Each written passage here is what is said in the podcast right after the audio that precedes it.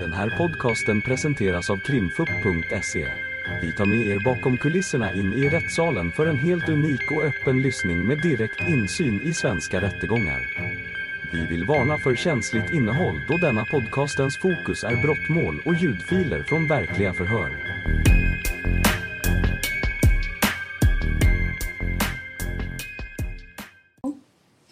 Då har vi vittnesförhör med Doris Cunha Gonsalves och varsågod åklagaren att inleda. Ja, och du vet ju vilken händelse det handlar om såklart. Yes. Och jag har åberopat dig för att jag vill höra din, dina iakttagelser och bedömningar vad som hände. Och först vill jag att du berättar för oss vad är det du arbetar med och vilken erfarenhet har du inom det området? Yes.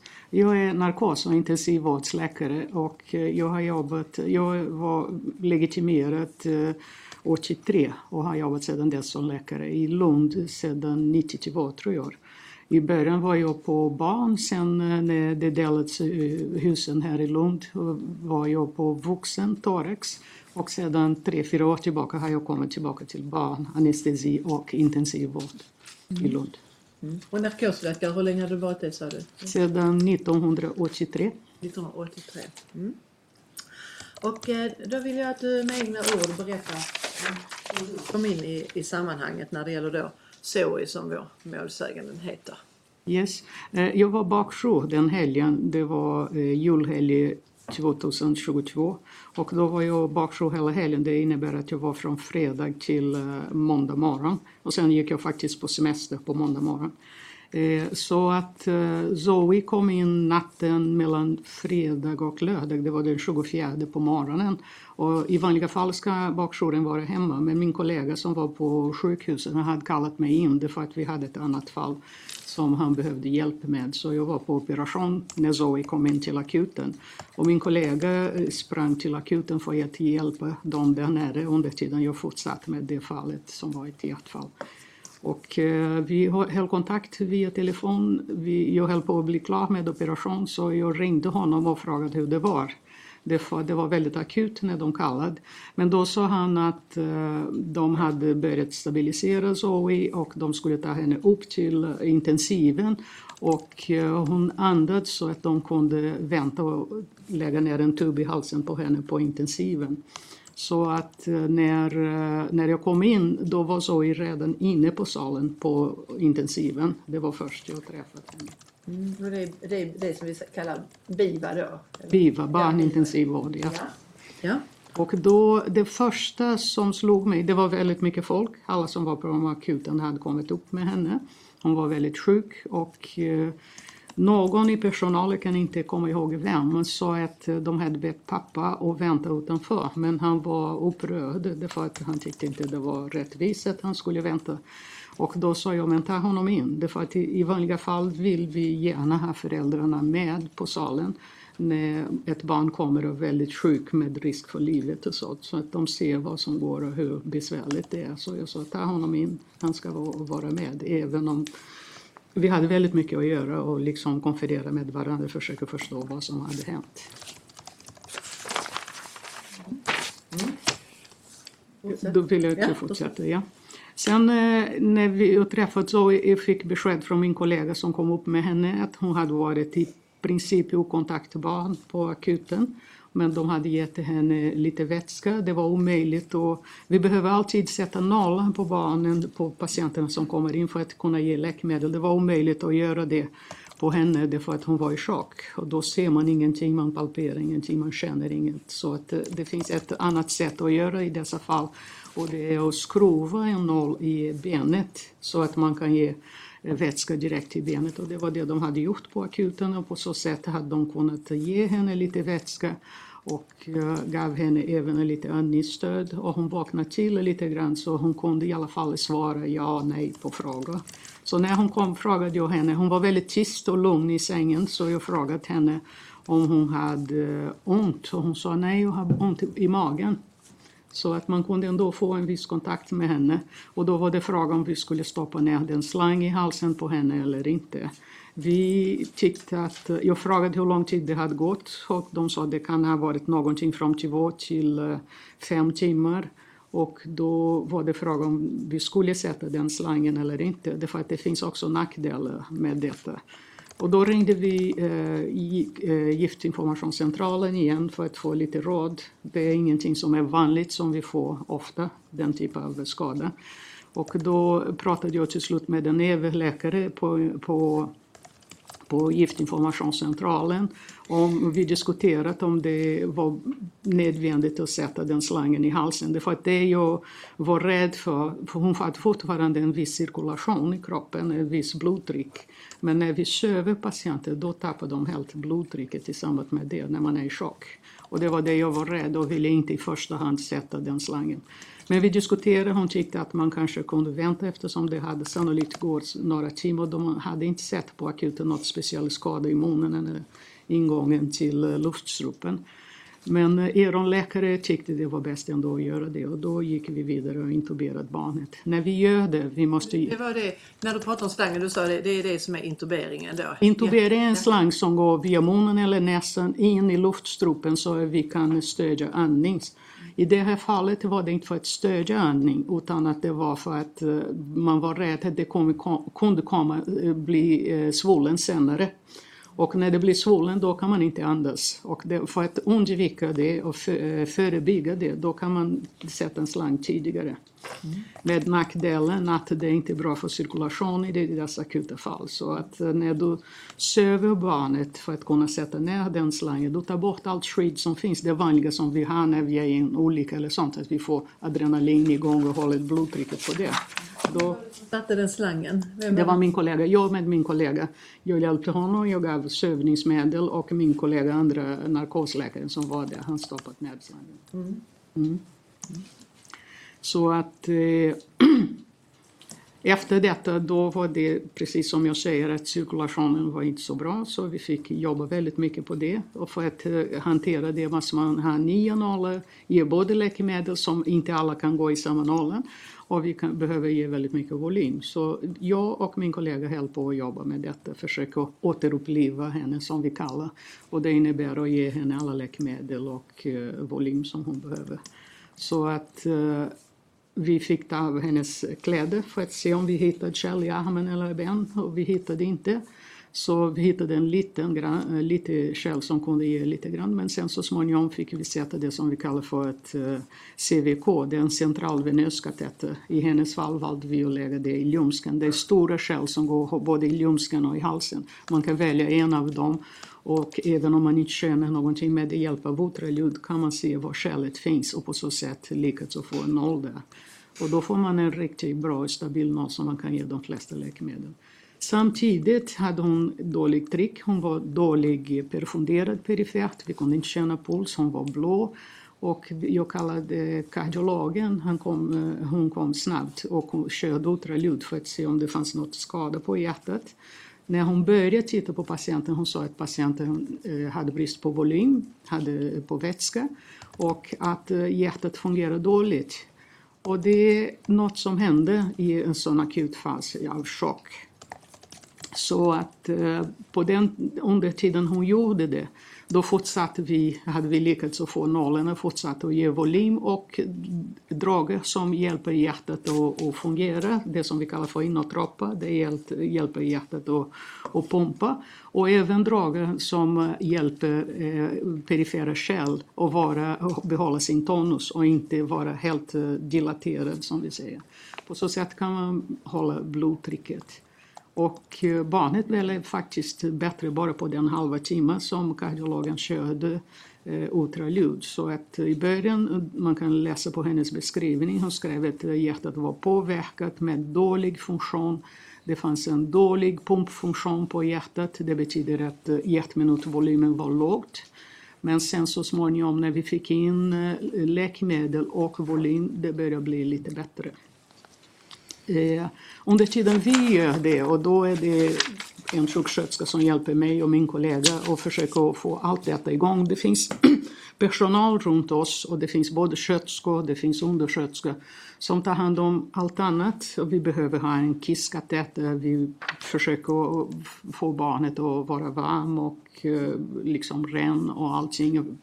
De sköter allt runt omkring som är nödvändigt också. Så att var det en undersköterska som bad mig att och interferera för att eh, hon sa att pappan ville bara ta bilder av barnet och det var ganska olämpligt. För det första, vi tillåter inte att man fotograferar personal under sitt arbete på sjukhus. Det är en policy som sjukhus har. Men samtidigt, man ska inte fotografera barnet i en sådan utsatt situation och det finns ingen fördel eller anledning att göra det. Så det, det var ganska olämpligt så jag fick prata med barn, med pappan mitt i det hela. Hur agerade han? Så, kan du såg du hur han agerade? Du sa att Det var så att eh, han, han satt på, efter han kom in, han dirigerade sig inte till mig och det fanns inga frågor, han bara satt i en fåtölj och eh, jobbade med sin mobiltelefon. Jag vet inte vad han gjorde med mobiltelefon, men det fanns ingen interaktion. Han var ganska oberörd på vad som hände med barnet. Och eh, när jag kom till honom då, det var också så att det var lite, nästan lite försvar. Därför att eh, jag frågade hur det var. Först sa jag till honom detta att man får inte fotografera och det är ganska olämpligt. Och sen började jag fråga lite grann om det fanns eh, risk att barnet skulle ha haft, ätit andra saker. Om det fanns läkemedel i huset som kan vara farliga. Om det kunde fin- skulle finnas anledning och tror att barnet kunde ha blivit intoxikerad av något annat.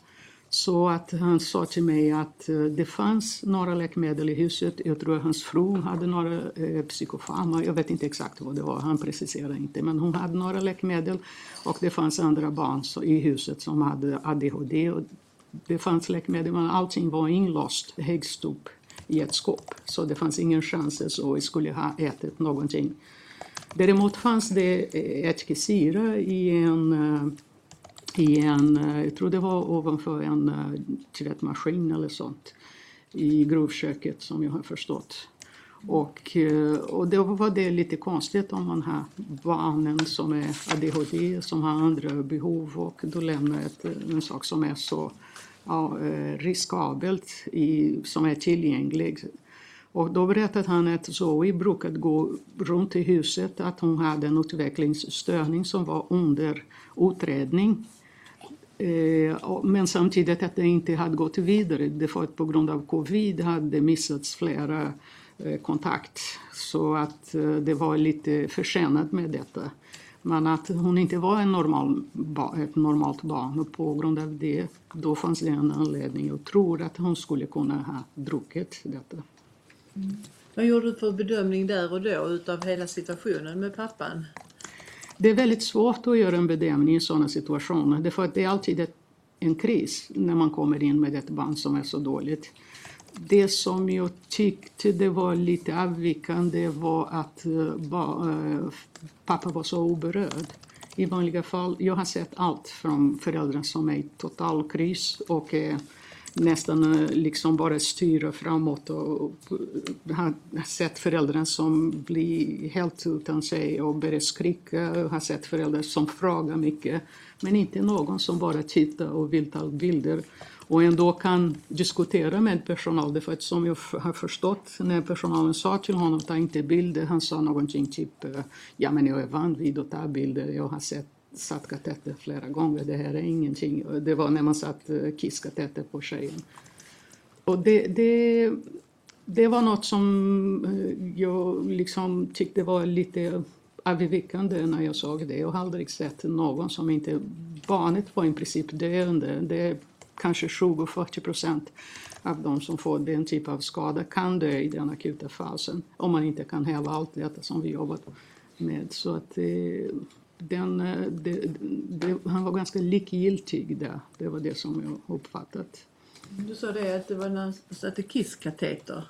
Så blev det, skulle han fotografera när ni satte kisskateter? Det var- Det som, eh, som eh, det var då jag fick liksom ingripa. Därför att det, när undersköterskan skulle sätta kisskateter, han ville ta bilder av det.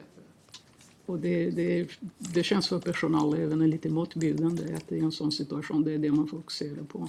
Hur, sätter man, hur gör man när man sätter kisskateter? Klä, klär av patienten. I detta fall fick vi klä av Zoe helt. Därför att vi letade efter själv, vi letade efter om det fanns något annat och så vidare. Så när man tog hennes kläder, då man ser på benen och sen sätter man en kateter i, i urinröret för att kunna samla urinet.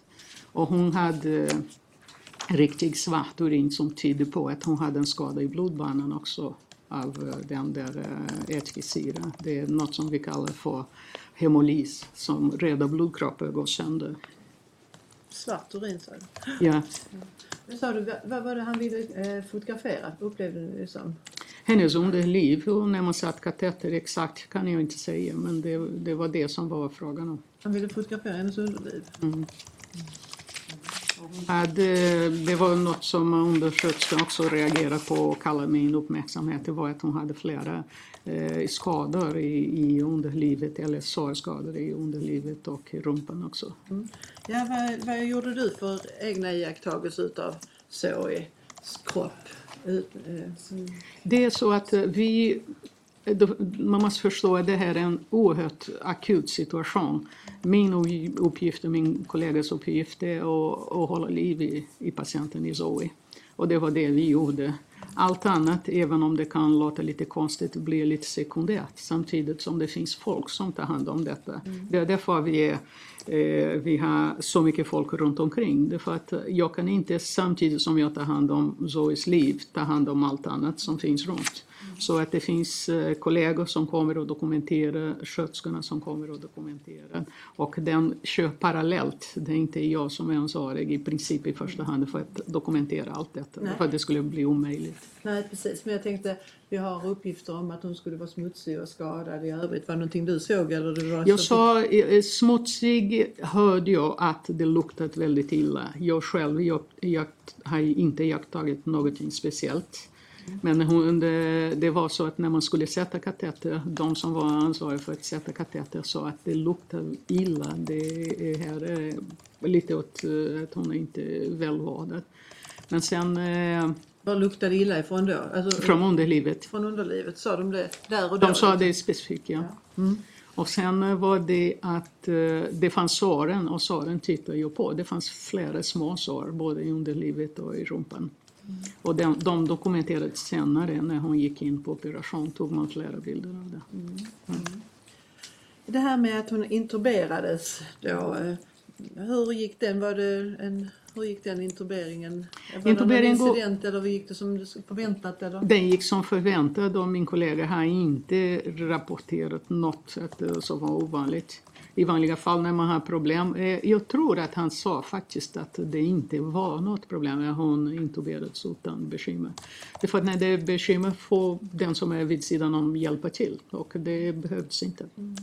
Nej, för vi har eh, en skada i halsen bak, ett skavsår liksom mm. långt ner i svalget. Och, det, jag, jag har inte intuberat, jag har inte sett, men jag tror att det är väldigt osannolikt att det är, min kollega skulle ha skadat henne.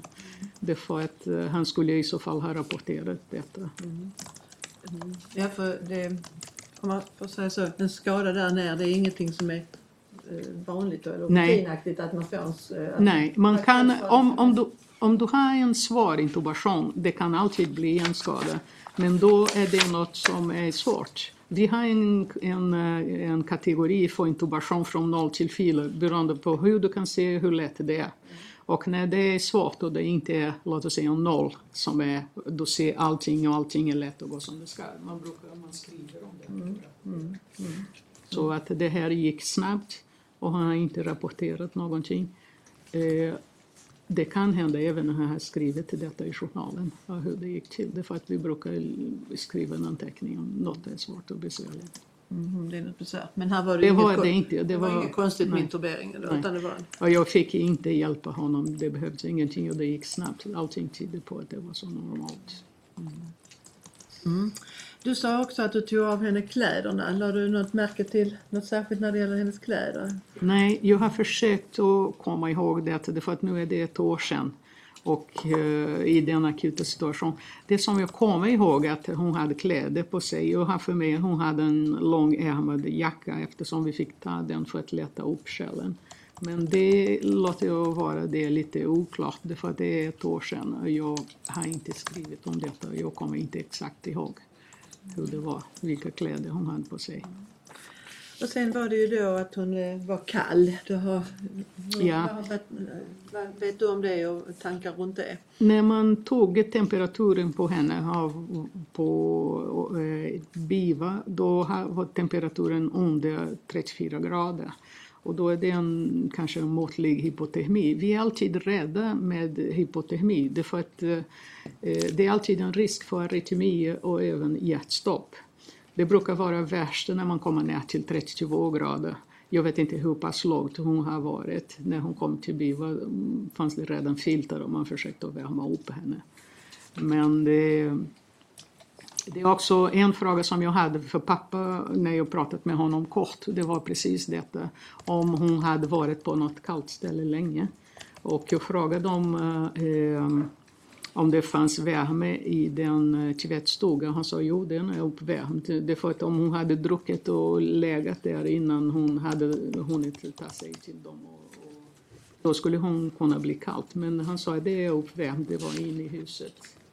Så det var då också slog jag lite, hur kan hon ha blivit så kall? Men det är ingenting som man går vidare då och försöker utreda. Mm. hade du? du hade några tankar runt tidsaspekt och så också?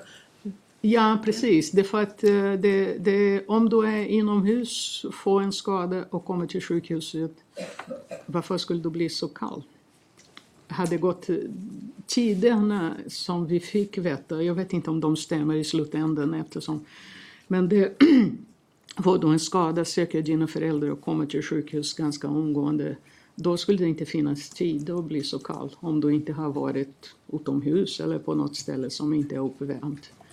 Men eh, vad hände där exakt kan jag inte säga. Så det, det, var, det fanns några saker som var lite annorlunda, avvikande i det samtalet som vi hade. Det var för det första detta att alla läkemedel är inlåsta, man är väldigt medveten om att det finns en risk, men man lämnar samtidigt eh, tillgänglig när man har ett barn hemma som är utvecklingsförsenad. Det, det går inte ihop riktigt, så där har man missat något.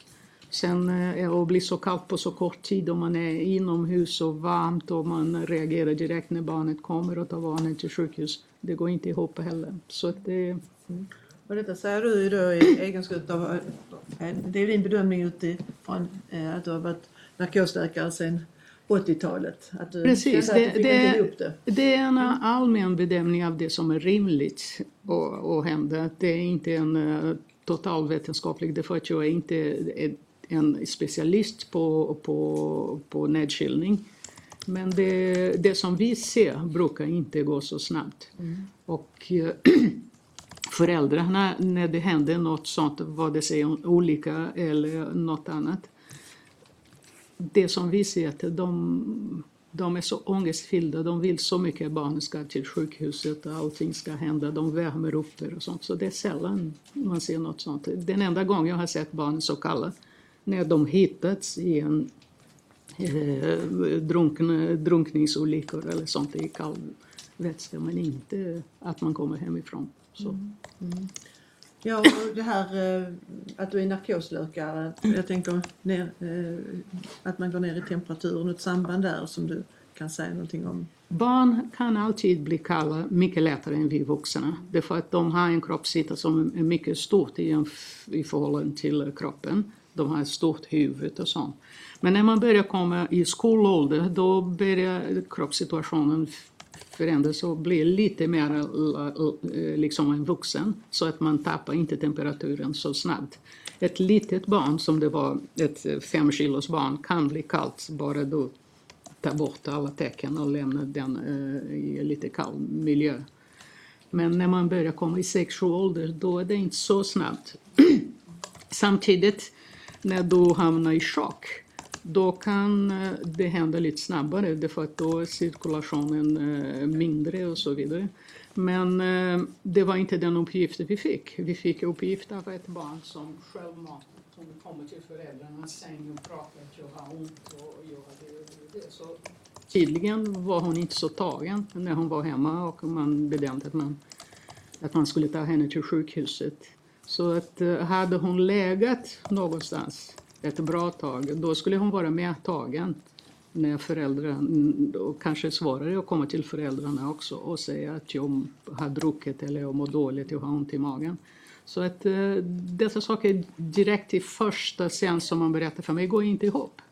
Därför att antingen har jag hittat ett barn som har druckit någonting och har legat där ett tag och då kan det ha hänt att hon blev kall också. Om hon har haft väldigt dålig cirkulation ett bra tag innan man kom till sjukhuset. Men det i, i den första snabba samtal, det var inte det som framkom. Det var ett barn som kunde gå och kom till föräldrarna och väckte föräldrarna.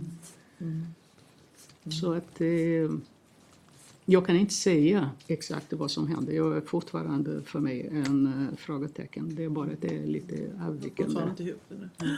Mm. Då ska vi se.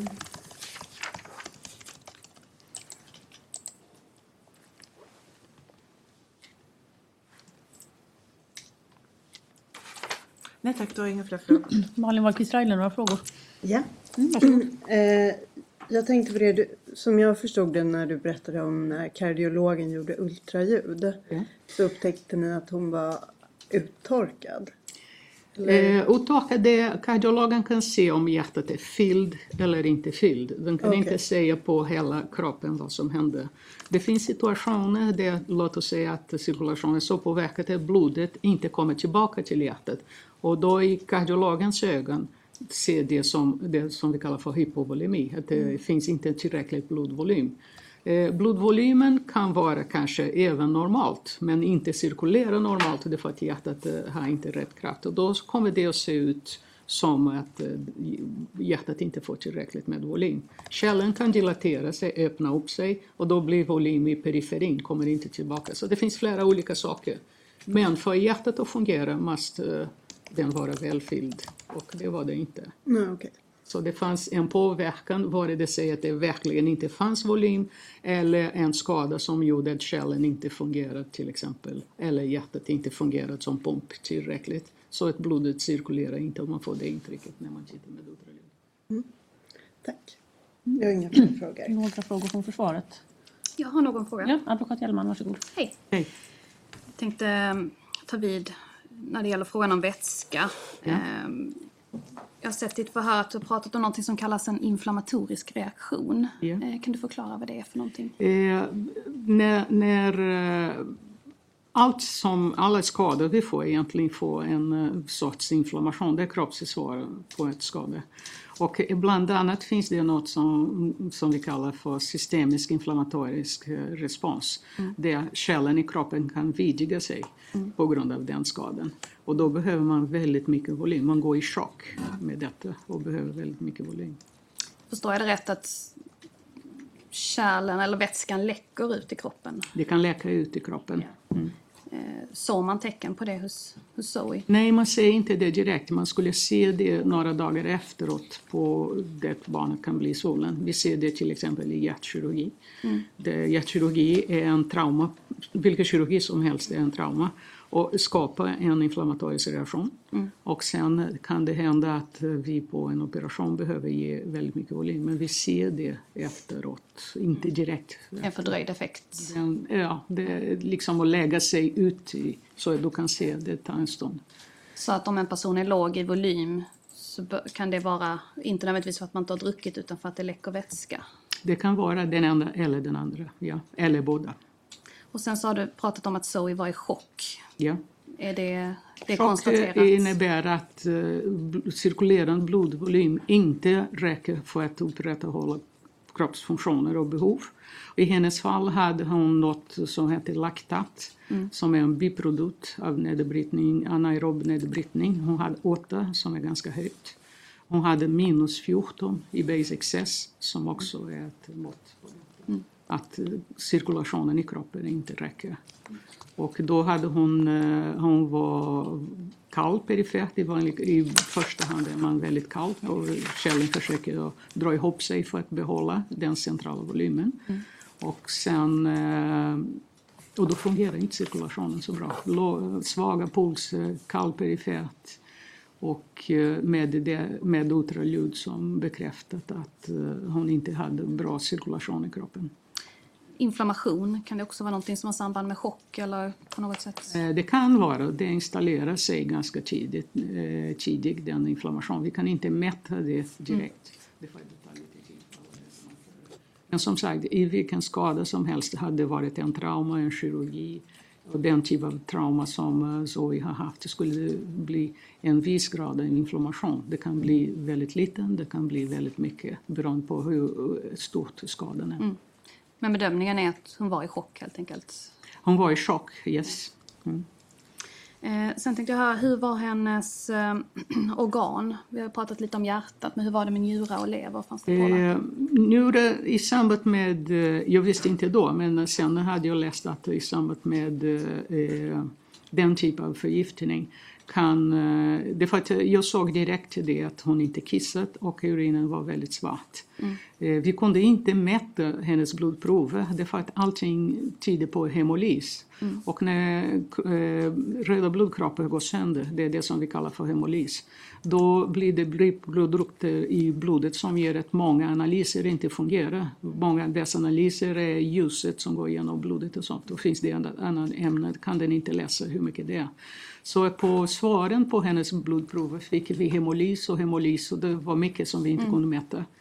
Och då misstänkte jag med den svarta urin och med hemolys i blodet att det var så att de röda blodkropparna hade gått sönder. Och då tog vi ett prov på det som är eh, fritt HB eller hemoglobin i blodet. Och det var väldigt högt, det var över 3, det var kanske mellan 3,5 och 4 som är oerhört högt. Vi har en behandling som, eh, med hjärtat som vi är rädda för hemolys och vi räknar med 1 gram per liter är väldigt högt. Hon hade 3,7 så det är väldigt mycket röda blodkroppar som förmodligen har gått sönder. Och det är något som kan hända med den typen av skada. Det gör att eh, njurarna kan paja helt och sluta fungera. Så redan på förmiddagen där jobbade vi väldigt mycket på alkalinisera, det betyder att ge henne alkali så att hon inte skulle vara så sur och den hemoglobin inte skulle fastna i njuren. För att fastna i det i njuren får man en ordentlig njurskada som kan vara i flera månader. Mm. Och det samtidigt som man ger väldigt mycket vätska för att barnet ska kissa mycket och man ger vätskande drivande läkemedel så att den hemoglobin inte fastnar i njuren och inte får så uttalade skador. Så vi hade som max 90 i kreatinin som är väldigt högt för ett sådant barn som är bara 6 år gammal. I vanliga fall tror jag att hon skulle ligga mellan 20 och 30. Så hon hade en ordentlig skada. Men vi lyckades häva den med den behandling så att det inte blev något permanent njurskada. Men det var precis det och vi fick jobba i flera timmar för detta. Jag kommer ihåg att jag tog några prover, det finns säkert i hennes journal hur det gick till med den hemoglobin och med hennes, med hennes eh, kreatinin. Så njuren var väldigt påverkad med stor risk att hon skulle ha fått en ordentlig skada men det har vi lyckats att häva som sagt. Sen hade hon en leverskada, hon hade väldigt högt acet och allt som är enzymerna som kommer från levern. Och eh, det tror jag att så småningom det gick, men det går inte direkt tillbaka. Så det var en viss leverskada där också. Och det som jag kommer ihåg att även på eftermiddagen, det var ungefär 12 timmar efter hon hade kommit, vi hade fått uppgift från eh, Eh, eh, bland annat giftcentralen, eh, det var bra att göra en second look som vi säger, titta igen i luftvägarna, titta igen i, i esofus, i matstrupen. Och då tog vi henne till operation kring klockan 12 för att göra dessa undersökningar. Och, och då hade hon små blödningar från alla ställen. Och hennes koagulationsprov hade vi inte kunnat få i början på grund av hemolys. Men vi har ett annat apparat som kan mäta eh, en eh, kan tyda på hur koagulationen är som är en bedside-utrustning. Eh, Så vi körde det provet och då var det väldigt påverkat och då började jag behandla henne både med koagulationsprodukter, med blodprodukter för att häva det. Hon hade till exempel det som tyder på, på fråga om eh, inflammation. Det finns det som vi kallar för disseminerad intravaskulär koagulation. Hon hade det, den, eh, den, den eh, enzymen som mäter det, hon hade det väldigt högt, över 40. Så att eh, hon hade den inflammation, hon hade den eh, skada och vi fick jobba väldigt mycket med detta för att hon skulle både kunna eh, fungera hennes koagulation och inte blöda så mycket. Eh, Du nämnde att det var mycket folk i salen. När hon kom var det mycket folk faktiskt. Och jag gillar, även om det är väldigt akut, jag gillar inte den eh, amerikanska som vi ser på filmer ibland, att det blir väldigt högt och ingen, inte så direkt bad jag folk att liksom hålla lite lugnt så att alla kan höra varandra och alla kan göra sitt jobb. Annars blir det ganska omöjligt. Var, var det högljutt när du kom dit? Nej, folk var väldigt stressade precis när hon kom från akuten. Man vet inte vad som ska hända. Så att, eh, men det la sig ner ganska snabbt och vi kunde jobba och hjälpa varandra. Så, men då känner jag mig nöjd. Tack så mycket. Mm. Advokat Elvingsson, några frågor? Tack ordförande. Hej. Okej. Jag tänkte tala om fotograferingen. Eh, Såg du själv att eh, Daniel försökte fotografera? Eh, han hade sin mobil. Jag, eh, han reagerade inte på när jag sa till honom så mm, om han hade varit med på detta. Han eh, gjorde inget mer. Men det var inte jag som reagerade på det. Det var som sagt, jag var upptagen med att sätta sig vid K och se till. Så det är andra som har berättat för dig. Det var undersköterska som eh, bad mig att interferera. Ja. Mm. Tänker här angående den här eh, att urinen var svart. Var det för att hon eh, kissade ner sig när hon låg där som ni kunde se det eller? Nej, det, när urinen blir svart, om, hon, om allting hade varit normalt, hon skulle kunna kissa på sig, det skulle vara normal urin. När det blir svart, det finns eh, det sannolikt, när, när vi inte kissar och vi är intorkade, då blir urinen mörkare och mörkare. Sen när du har hemolys som vi säger, då det som blod, röda blodkroppar går sönder, de, den pigment som finns i röda blodkroppar, den utsöndras i urinen också. Så den blir väldigt, väldigt mörk, nästan svart. Så att det här kan ha varit en kombination av den hemolys och den pigment som utsöndras i urin och av intorkning eftersom hon var också det som vi kallar för oligurisk med väldigt låg urinvolym. Då måste det ha funnits båda. Och hur såg ni ur- urinen då tänker jag att det var så? Man ser när man sätter en, en kisskatette, det kommer alltid lite urin. Ja, okej. Tack så mycket. Inget ytterligare? Nej. Och jag har inte några frågor, så därmed är förhöret slut.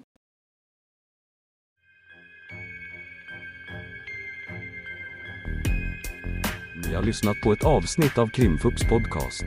Tipsa gärna oss på krimfupp.se om det är någon speciell rättegång ni skulle vilja höra. Tack för att ni har lyssnat.